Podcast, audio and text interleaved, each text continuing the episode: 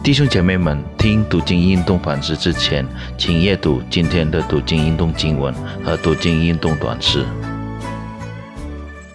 亲爱的弟兄姐妹平安，今天我们阅读经文是来自创世纪第十二章，请弟兄姐妹先亲自读这篇经文，再来跟我一起思想我们今天的主题：跟随上帝的护照。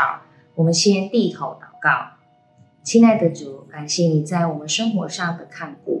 今天我们再来到你的面前，要一起深思你的话。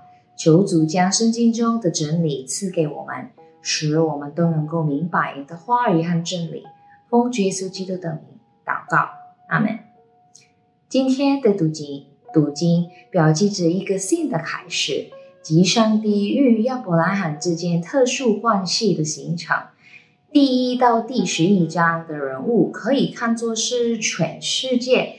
的代表，从第十二章开始所讨论的，都是世纪上帝与亚伯拉罕家族及其后代关系的故事。亚伯拉罕出生在米索波大米加雷迪的乌尔，他拉亚伯拉罕的父亲带着他的后裔前往迦南地，并定居在哈兰，那里仍然是米索波大米的异地区。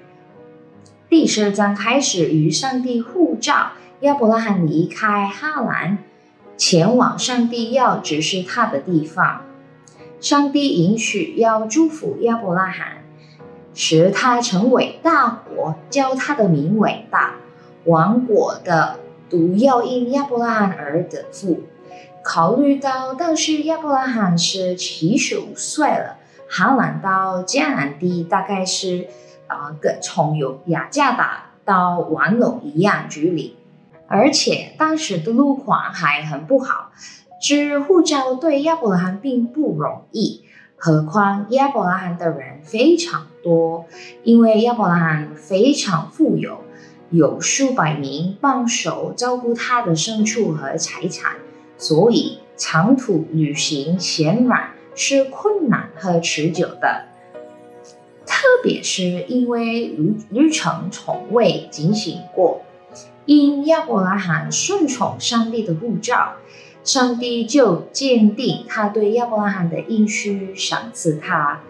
约翰福音第三章第十六节写：神爱世人，甚至将他的独生子、独生子赐给他们，叫一切信他的不知灭亡，反得永生。约翰福音第一章第十二节写：“凡接待他的，就是信他名的人，他就赐他们权柄，做神的儿女。通过亚伯拉罕的后裔及耶稣基督，为了代替有罪的人类接受上帝的惩罚而使己死，死在十字架上。那些相信耶稣基督的人，获得永生，并成为上帝的儿女。”我们应该要记住，上帝是对亚伯拉罕的允许，是给予亚伯拉罕的信心，也使用与亚伯拉罕属灵的后裔及跟随亚伯拉罕信心的人。罗马书第四章第十六节写：所有人的为后嗣是本互心，因此救赎护恩。交应许定难归给一切后裔，不单归给那属乎律法的，也归给那效法亚伯拉罕执行的。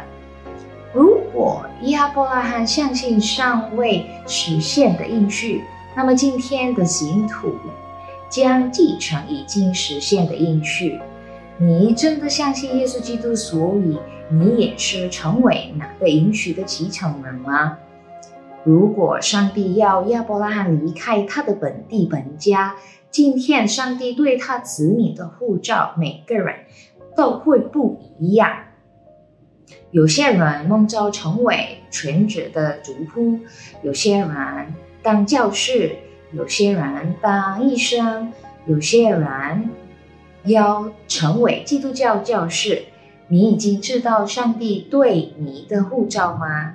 我们一起低头祷告，主啊，感谢你先鲜明你自己，让我们都能够认识你。